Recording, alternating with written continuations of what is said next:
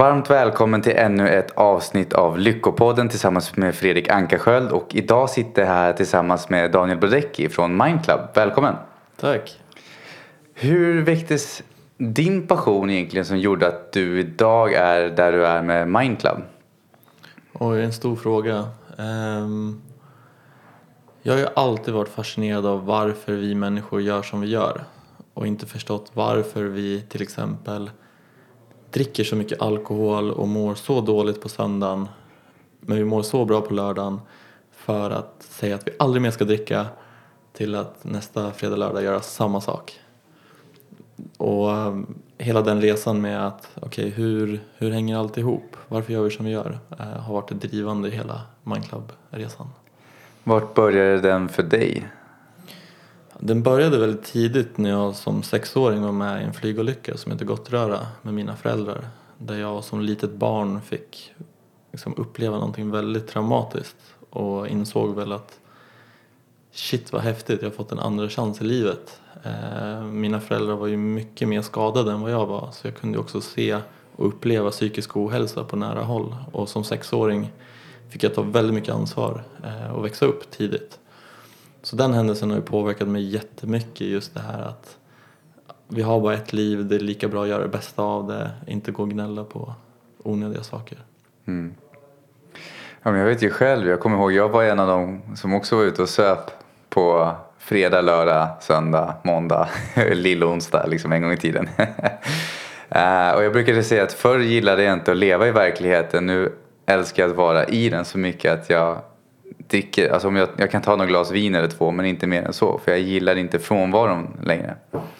Just det. Eh, jag kommer ihåg en berättelse när jag eh, pluggade på universitetet i Linköping. Mm. Och det är en tid när alla drack väldigt, väldigt mycket och skulle passa in och så vidare. Och jag kände starkt i kroppen att jag mådde inget bra av det. Eh, och jag, alltså uppsidorna var inte bättre än nedsidorna ska jag säga.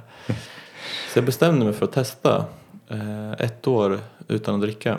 Men också fortsätta festa och ha kul. Eh, för jag vill ju ha kul, jag vill ju vara lycklig. Mm. Men jag mm. vill också vara lycklig dagen efter. Så jag gjorde ju det eh, som ett experiment och eh, märkte att jag fick mycket bättre kontakt med tjejerna. Och i slutet av kvällen så märkte jag hur killarna kom fram till mig som var ganska fulla då och, och hade mod i sig. Och såg att jag var modig som var nykter. De visste ju om det, det var lite outtalat. De kom fram till mig efteråt och bara du, eh, jag önskar att jag var mer som dig. Att jag inte var tvungen att dricka för jag, jag mår inte så jättebra själv av det. Och det var så en, en, kul att jag kunde inspirera någon annan och, och, att jag visade mod genom att göra det jag trodde på. Och det har också varit en, en eh, typisk, att jag går på det jag tror på. Vad har du kommit fram till då som gör att folk dricker som de gör på helgerna? Ja, nu blir det väldigt mycket fokus på drickandet men det är säkert många kan relatera till. Eh, och drickandet i sig är väl eh, ett tillfälle att go lite crazy och träffa folk som du inte pratar med annars och komma ut utanför komfortzonen. Så jag uppmuntrar det och jag tycker det är kul med polare som dricker 3-4 öl. Eh, men 7, 8, 9, 10, 12 då börjar jag tycka att du hade ju den perfekta fyllan liksom. Du var ju som lyckligast. Mm. Eh, sen händer det andra saker. Men för mig, det är starkt och det har jag upptäckt med Mindclub också. Eh, det är att den här, vi vill tillhöra, vi vill vara med, vi vill vara en i flocken eller en i gänget. Och då är vi villiga att göra allt som står i vår makt för att passa in eh, och inte bli utesluten ur gruppen och sånt. Så det är också en, en faktor varför alla typ, det blir som en, en, en norm att dricka. Mm. Och följer du inte normen så får du inte vara med och då får du inte ha kul. Typ. så länge man inte gör som du, att man går ut nykter och har kul ändå liksom. Precis och, och med sanningen, alltså sanningen har inte varit helt klockren för att jag har ju också fått eh, jag blir inte bjuden på fester lika ofta. Eh, folk tyckte jag var tråkig fast de i slutet av kvällen såg att han är ju lika rolig som oss. Det är bara att han eh, väljer att ha roligt och inte väntar på att alkoholen ska göra så att det blir roligt. Mm. Så det är inte helt lätt kan jag säga. Jag har ju brutit mot många normer. Ja, jag känner igen mig själv från krogen. Jag jobbade ju på krogen en gång i tiden så när jag bröt ifrån det mönstret Så alla jag kände på den tiden jobbade på krogen eller gick på krogen. Det var liksom det umgänget jag hade. Och då varför var det ett stort glapp under en lång period där man inte hade så många att umgås med tills det var den här omställningen liksom. Men idag driver du Mindclub. Vi sitter här på Norrsken inne i stan. Mm. Vad, är, vad är Mindclub för de som inte har hört talas om det innan? Ja, alltså storyn är lite att jag, jag drev själv en podcast om kärlek och relationer där jag intervjuade massa olika väldigt spännande personer och så här försökte knäcka koden lite grann. Och eh, under de 15 avsnitten så såg jag en röd tråd och det är att om du ska vara i en bra relation, vem vill inte vara i en bra relation? Mm. Så finns det egentligen bara en sak för dig att göra. Och det är att du mår så bra i dig själv som möjligt. Alltså att du känner kärlek till dig själv.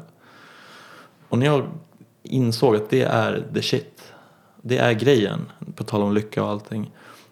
Så tänkte jag, varför finns det inte en plats där du får komma och får alla verktyg, alla förutsättningar att må så bra som möjligt i dig själv. Och sen kan du gå ut och göra världen bättre och skapa de relationer du vill ha i ditt liv. Få de jobb du vill ha, eh, få de möjligheter och kanske ta det där klivet och bestiga det där berget eller vad det nu är. Så det var för två år sedan jag vaknade och bara, jag ska starta ett mentalt gym, en plats där du får växa, där du får må bra. Och sen har resan bara fortsatt. Och nu sitter vi här på Norrsken. Mm. De som går hit, vad motiverar de flesta människorna att komma till Mindclub? Nyfikenhet och en förståelse för att livet är så mycket mer än det du alltid har gjort. Eh, de som kommer till Mindclub generellt, nu tittar jag lite vilka mina vänner och vänners vänner och vilka det är som dras till det här, men en vilja att utvecklas, en vilja att prestera, eh, mycket akademiker, högpresterare som många har varit väldigt stressade också eh, för att man kanske har satt för höga krav på sig själv eller haft förväntningar av sin chef som har varit helt orimliga. Och i det här samhället där eh, vi vill prestera, vi vill maxa våran tid så blir det för mycket ibland. Eh, så antingen så har de varit med om, om en lättare utbrändhet eller någon lättare stressupplevelse eller inte varit på ett jobb de har mått bra på. Eh, och söker sig till en plats där, okej, okay, med alla de här verktygen och erfarenheterna, vad kan jag bidra med och vad kan jag lära mig av Mindclub? Mm. Jag tycker det är lite kul för jag vet ju att det är en hel del som har skrivit till oss på Lyckopodden och sagt liksom och även fått, jag har haft person, fått eh, personliga förslag på att varför startar inte ni en plats där folk kan träffas och prata om de här grejerna. Och då skulle jag rekommendera att den platsen finns ju redan. Vi har ju Mindclub liksom. Mm. Och eh, det jag märker, det som är så sjukt häftigt, vi har ju träffats till exempel för att vi brinner för det här med personlig utveckling och vi kan hjälpa varandra. Och jag har genom mitt liv förstått väldigt mycket grejer med tanke på att jag har gått igenom mycket trauma och stress och sånt. Och varit väldigt nyfiken som person och rest och, och fått läsa mycket själv. Jag har läst mycket självhjälpsböcker, tittat på Youtube, följt Tony Robbins, eh, tittat på liksom, vad gör dig framgångsrik, sju nycklar, allt sånt där. Men det har känts så ensamt. Och vart finns den här platsen där vi kan hjälpa varandra? För att du sitter ju på massa grymma grejer eh, Henrik eller Erik eller Kajsa eller Anna har ju sina erfarenheter och det blir så mycket roligare när vi delar dem med varandra. Mm. Och samtidigt sätter nya mål och tar oss an våra rädslor. För alla går ju och bär på någonting som de vet att de vill ta tag i men de gör inte det. Och det är Mindclub väldigt bra på att liksom ge den här extra tryggheten men också den här pushen att ja men du har sagt att du du vill komma in på jobbet en timme tidigare så att du kan gå hem en timme tidigare. Bra, då ser vi till att det blir så. Så att det inte bara blir att du, du pratar om det men det händer inget. Mm. Hur går man från tänka till att göra? Eh, det är liksom kärnan i all form av personlig utveckling. Men jag tänker ju likadant att också när man har en... Alltså jag brukar alltid prata om miljöer, om de stödjer oss eller inte. Låt säga så här att om du har en som Mindclub, det är ju en miljö som stödjer kanske saker vi vill. För i den miljön så blir det automatiskt att vi utvecklas, vi utmanar oss själva, vi kanske blir mer närvarande, alla de här sakerna.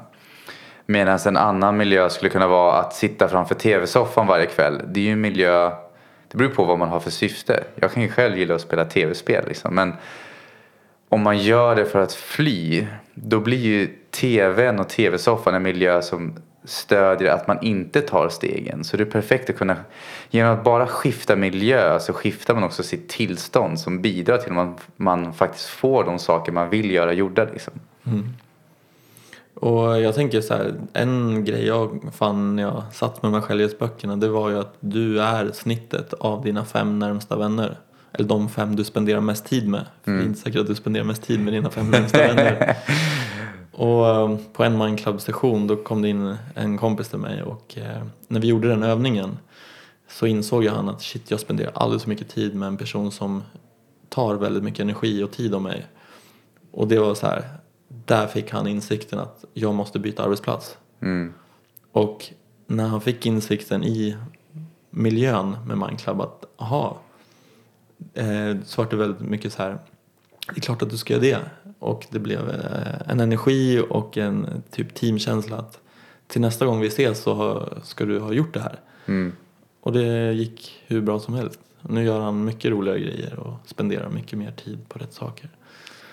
Det är ganska kul det här beroende på vad man umgås med. För jag vet ju själv bland de vänner jag har så var det en av en, en kompis som sa upp sig. Och folks reaktion det var så high five, bara shit vad kul liksom, du vet så här, grattis, kul mm. att du vågade ta steget liksom. Medans det är alla vänskaper, det beror på vem man umgås med, tillåter kanske inte det. Liksom, de kanske är mer oroande, men gud hur ska det gå för dig nu och sådana saker. Liksom. Och det är bra att ha det också, men det är kanske inte det man ska, vad heter det, kasta på. Det är som en eld som brinner av passion och så kastar man så här filten över för att släcka den. Liksom. Mm. Det är vanligt. Jag tänker när jag drog och skulle resa jorden runt själv i två år så var hälften sa att jag kommer bli rånad, hur ska det gå, du kommer inte ha någon att dela upplevelsen med, eh, vart ska du åka, hur ska du få pengarna att räcka? Det var mm. liksom 50 procent. Och sen 50 procent, klart att du ska åka, det passar dig jättebra, du kommer utvecklas, du kommer träffa massa nya vänner. Så att jag valde att lyssna på de mer positiva då. Och efter det när jag kom hem så har jag också tänkt mycket jag har ju faktiskt ett val. Jag har ju möjlighet att påverka min miljö och min omgivning och vilka jag lyssnar på. Ehm, och sätta mig i situationer där jag får växa själv. Och sen när jag väl har träffat de människorna så bara, men hallå, ni måste ju prata med varandra. Ni lyfter ju mig, ni borde lyfta varandra. Ni... Och sen har det bara tagit fart. Mm. Hur var resan då? Det var fantastiskt. Eh, jag kommer ihåg att jag satt med Lonely Planet, en sån blå bok och, som alla backpackers åker efter. Och började resan som alla backpackers. Men sen kände jag efter två veckor att nej, jag ska inte göra som alla andra backpackers. För det var som att, tänk ett lämmeltåg. Så ser man samma personer, man gör samma saker. Man kan typ läsa i boken vad man ska se. Det vill säga, det, det fanns inte mycket utrymme för att uppleva nya saker. Så jag slängde den där boken och så kände jag bara, jag ska följa min magkänsla. Mm.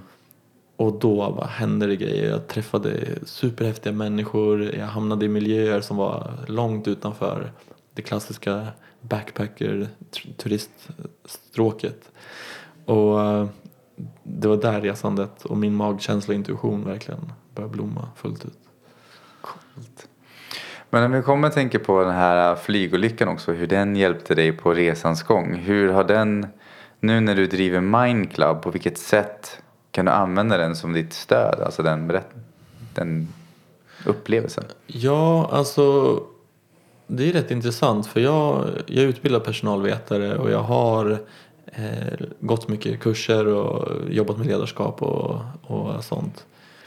Men jag tänkte ju att jag skulle bli väldigt ifrågasatt när jag liksom, vem är du? Du har inte 17 års erfarenhet av psykologi och, och att många skulle tycka att jag inte var så senior. Det var liksom första tanken så här. Men det jag inser är att när jag pratar om olyckan, att det är en sak som har format mig, så får jag väldigt mycket respekt och, och en trovärdighet som jag inte kunde haft utan olyckan. Att shit, han har verkligen gått igenom någonting och överlevt det och, och eh, på något sätt eh, vill eh, ta de erfarenheterna och ge dem vidare. Så att det har gett mig mycket trovärdighet och förståelse för andra som går igenom ganska tuffa grejer. Mm. Eh, och sen har jag valt att, att liksom, om jag överlever en flygolycka så borde jag kunna starta ett mentalt gym. Och så någonstans får jag väl lite så här, eh, vad är det värsta som kan hända? Mm. Ja, det kan jag relatera till. Men om vi tänker så här, för du pratar mycket om att du har lyssnat på Anthony Robbins. Vilka är dina favoritböcker då? Om du ska få välja tre stycken. Oj. Ehm, jag är ju sån som följer youtubers och, och eh, jag tar in information väldigt så här, lyssnar eller tittar. Ja. Ehm, Eckart Tolle är ju en bok som, som var lite så här att att läsa den var verkligen så ja men det handlar mest om att vara i nuet. Och det ser jag också inom personlig utveckling att är vi för mycket i det som har varit eller det som komma skall då, då är hjärnan där och förstör. Så är du mer i nuet och kan ta modiga beslut i nuet så kommer framtiden bli bättre Mm. och det som har varit blir mindre viktigt. Typ. Sen är det bra att titta vart vill jag och vart har jag varit och, och lära sig någonting av det också.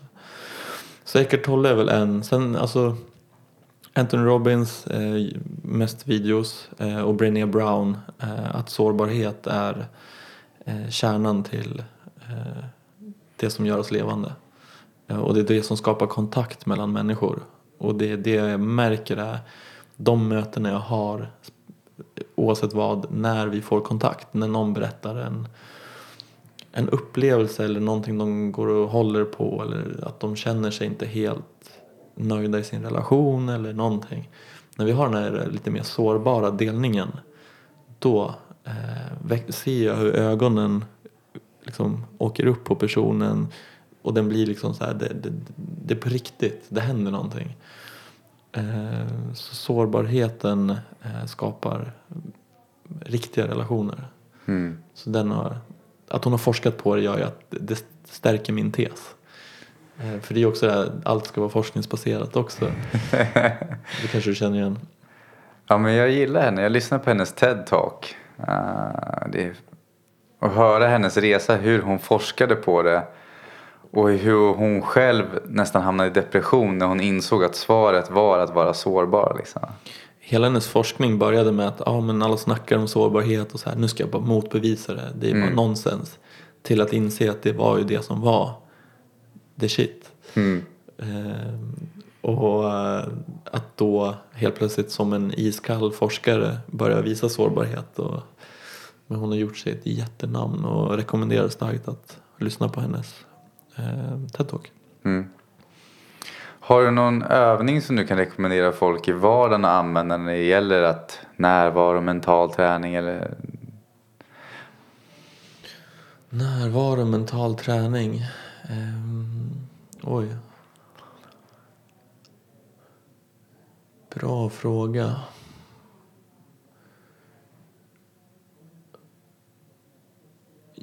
Alltså det som har funkat väldigt bra om du inte bara tittar liksom så här, det här har jag läst i en bok, det här är tre tips eller så här, utan det är att när du funderar på någonting eller det är någonting som inte känns bra, ångest i magen eller någon så här klump i magen. Att prova prata med någon som du, någon vän eller något och, och dela och se vad som händer. Eh, för det skapar en djupare förståelse när du pratar om det högt. Det kanske inte blir lika farligt. Men också känner den personen att den hjälper dig eller att den, du anförtror dig. Och, ehm, och den här ångesten är egentligen kanske ett tecken på att någonting behöver förändras. Eh, många, som jag har förstått det, när de känner ångest kan de tycka att det är jobbigt och försöker trycka undan den. Istället för att välkomna den och se det som, okej, min kropp håller just nu på att säga någonting till mig som jag behöver förstå. Och genom att prata om det högt så börjar det hända saker. Så det är liksom en kombination av nyfikenhet och öppenhet så, där du delar saker med andra så händer det magiska grejer. Både i er relation men också i relationen till dig själv. Om man på något sätt ska sammanfatta hela varför Mindclub ens startades. Mm. Ja, Jag kommer ihåg själv, jag lyssnade på en podcast för flera år sedan. Då hade de ett avsnitt som hette Skeletten i garderoben. Som gick ut på att vi... De berättade att till exempel förut när man skulle bikta sig, grundtanken från början var att man sätter sig själv fri genom att man berättar för någon annan det som tynger en mest. Sen har det förvanskats av vissa på vägen liksom, men att det var en av grundtankarna bakom. Just på grund av att vi kanske går och oroar oss för att tänk om de fick reda på det här, vad skulle de säga om de bara visste att jag hade gjort det där? Men då håller vi ju det inne. Men så fort vi öppnar upp så kan man ju stärka relationen som du pratar om och få en, en starkare gemenskap. Eller så märker man också vilka människor runt omkring sig som kanske inte kan hantera det heller. Mm. Ja, det, det är mycket vunnet på att, eh, att lyfta saker utanför vår, eh, vad ska man säga, våra tankar och våra idéer om vad som är rätt och inte rätt och normer och allt sånt där. Och det, återigen, som vi började avsnittet med, rädslan att inte få tillhöra. Om jag säger det här kommer jag bli utesluten ur gruppen då? Känna skam och allt det där eh, sätter fart på tankarna och tankarna de är snabba, de vet inte vad som är rätt och fel och så helt plötsligt blir det en stor grej av det som du går och bär på. Och det tar mycket energi från dig från att vara ditt bästa jag. Och på Mindclub-kurserna vi håller då är det verkligen så här att någonting folk har gått och tänkt på så bara kommer upp till ytan, de får möjlighet att reflektera och dela det med någon i gruppen. Och du bara shit, det var inte så farligt Mm. den eh, man ser i ögonen bara varför jag har lagt så mycket tid på det här. Eh, Den, det, det är magiskt. Ja, alltså jag undrar vad som gör egentligen... Vad tror du beror på att vi inte gör så alltså, i samhället i allmänhet? Jag, jag märker mer och mer att de, det börjar bli vanligare och vanligare och fler öppnar upp för det här, vilket jag tycker är jättekul. Men vad tror du kommer från från början att det inte varit så så länge? Nu är vi nästan tillbaks till alkoholhistorien. Någon måste ju gå först. Och normer och saker. Och, och vi har ju en generation av föräldrar eh, som är från ja, bit ihop, eh, kör på. Var inte så känslig Var nu. inte så känslig, visa inte så mycket känslor. Jaha, du gråter. Ehm, ja men ta en glass. Eller liksom, vi har ju inte fått lära oss att prata om de här lite tuffare grejerna. Vilket gör att vi har en hel generation som går och håller inne på saker. För så fort vi har visat oss sårbara, vilket var lite magiskt, eh, så har vi blivit dämpade av den här generationen genom att här ta en glass eller här har du nappen eller och det kommer gå bra, eh, tänk inte på det där. Istället för att bara, okej, du mår dåligt, upp med det. Vad funderar du på? Jaha, okej, vi lyfter upp det, vi tittar på det och sen går vi vidare. Mm.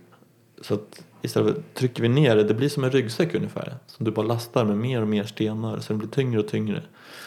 Så ser jag på det i alla fall. Och, och vi gör ju som andra gör. Och nu börjar ju många ja, men kända personer och många prata om sin psykiska ohälsa. Och det, det är mycket mer accepterat och tv och allt sånt där. Vilket gör att vi som går runt i samhället börjar se att okej, man blir inte mördad eller utesluten om man, Mm. om man delar lite mera eh, vad ska man säga, obehagliga historier. Eller så.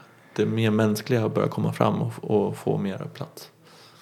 Eh, jag har en av sakerna, jag håller på att skriva på en bok nu också. Det är just att jag ser det som att när vi inte uttrycker våra känslor och förtrycker dem så blir vi som att vi laddar en magnet. Och tänk dig om du har i, en, i ett förhållande så har du två personer som ladda sig själva med samma negativa energi liksom.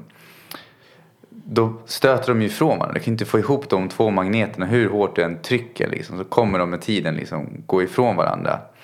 Men om du vänder på det istället och tar, eller tar bort den här laddningen så har du ingenting som stöter bort liksom.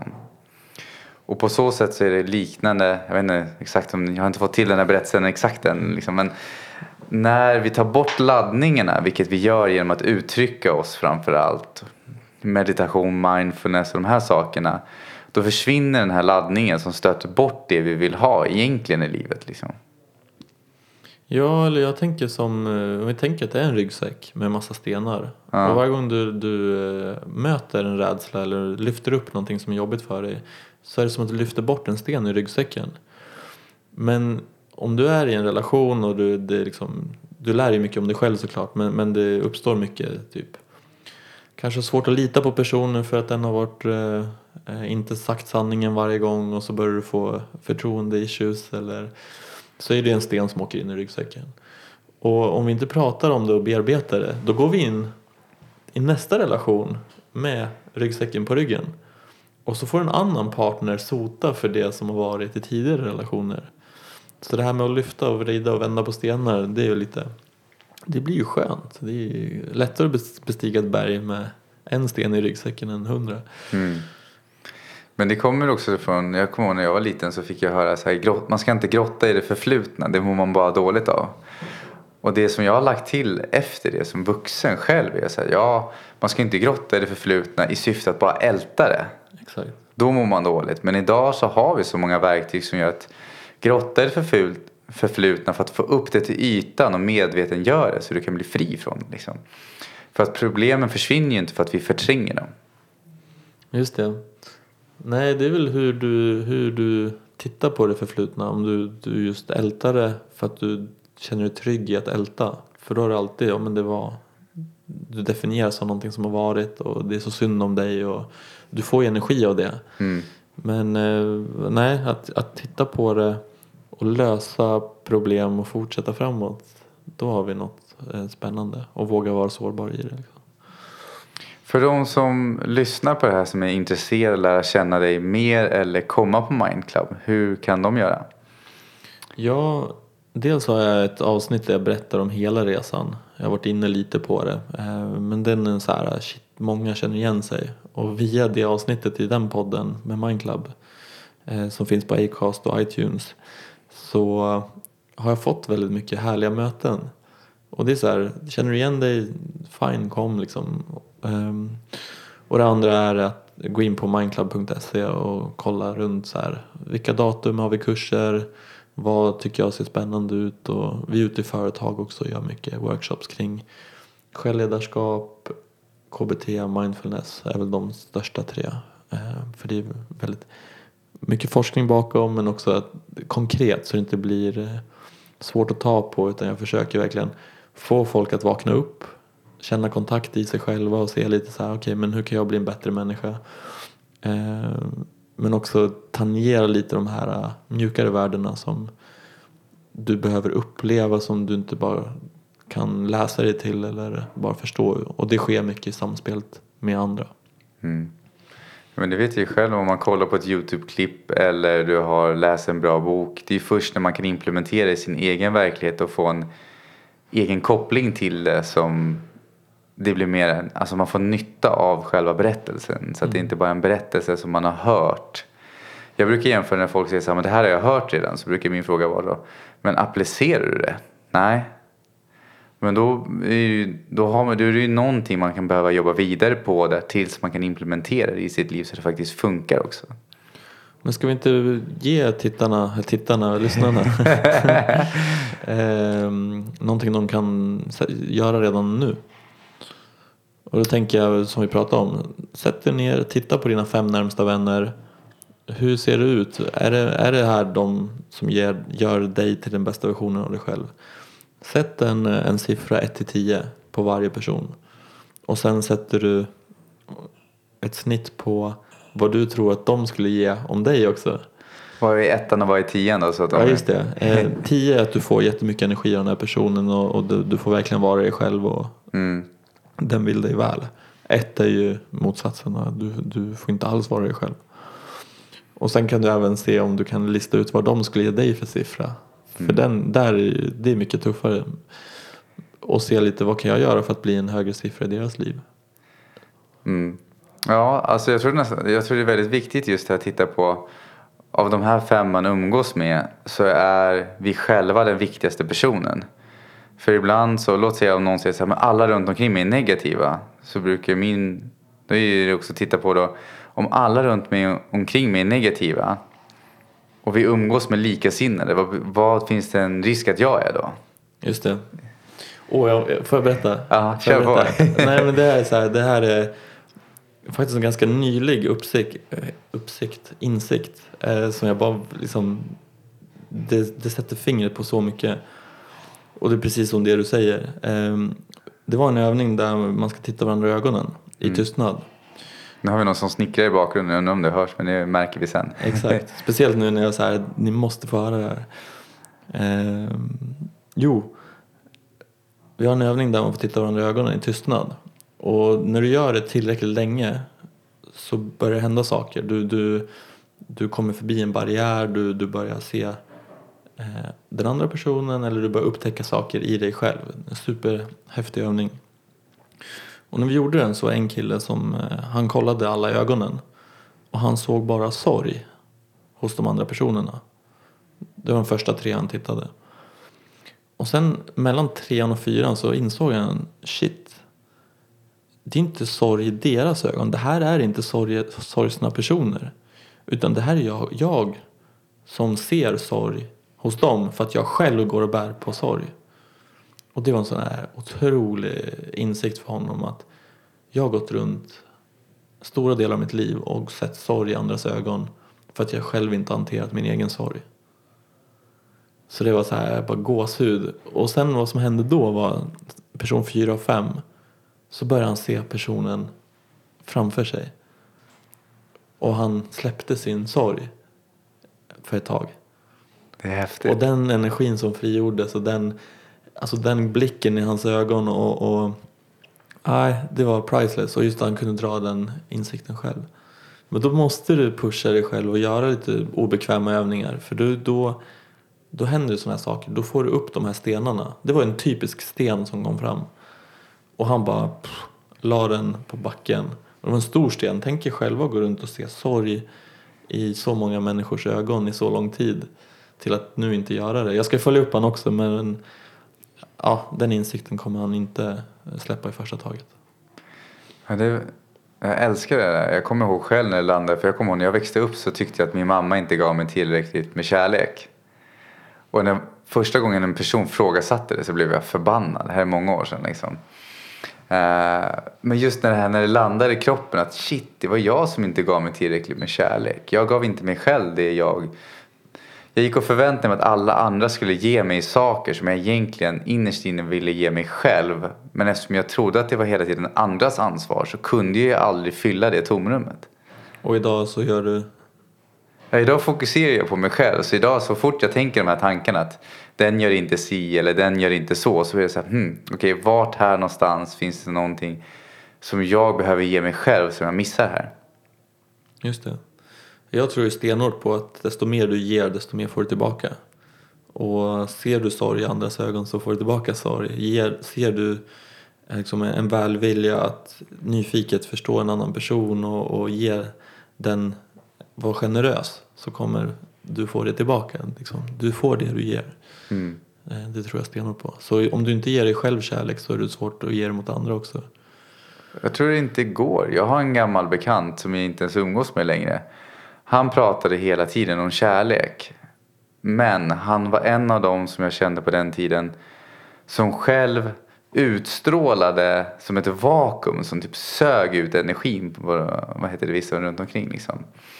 Uh, och då gjorde det ju att, då blev det ju tomma ord. Han gav ju, även om han pratade om kärlek kunde inte folk få den. För att det var ju tomhet han gav i, bakom orden liksom. Just det. Och jag tänker bara, det jag ser eh, ofta det är att folk är bra på att ge kärlek. Men de är inte så bra på att ge det till sig själv.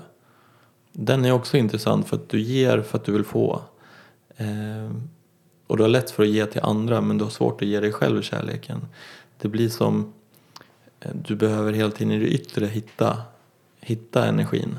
Istället för att ge dig själv kärleken och hitta energin i dig själv. Jag tycker den är, den är också vanlig vad jag, vad jag har sett och upplevt. Eh, Så att ta den eh, viljan och det här fina och ge det till dig själv. Det är också en så här eye-opener eller insikt. Jag använder mycket engelska intryck. Jag är likadan många gånger. Jag har lyssnat så mycket på engelska YouTube-klipp så att det är Ja, jag vet inte. Det, jag försöker ju bara prata så naturligt jag kan. Typ. Mm. Ja. Ja, men då jag får tacka för dagens samtal. Se om det blir fler gånger. Och är det så att folk vill veta mer om dig så kan de ju lyssna på, vad he, vad du kan ju berätta om podden så att de vet vilket avsnitt de ska lyssna på. Första avsnitt i Mindclub-podden eh, rekommenderas starkt. Och mindclub.se om de vill liksom se vem jag är eller, eller läsa mer om Mindclub. Mm. Mm, det är så, där stannar vi. Ja, tack så mycket för idag. Tack Fredrik. Grymt att du gör det här också.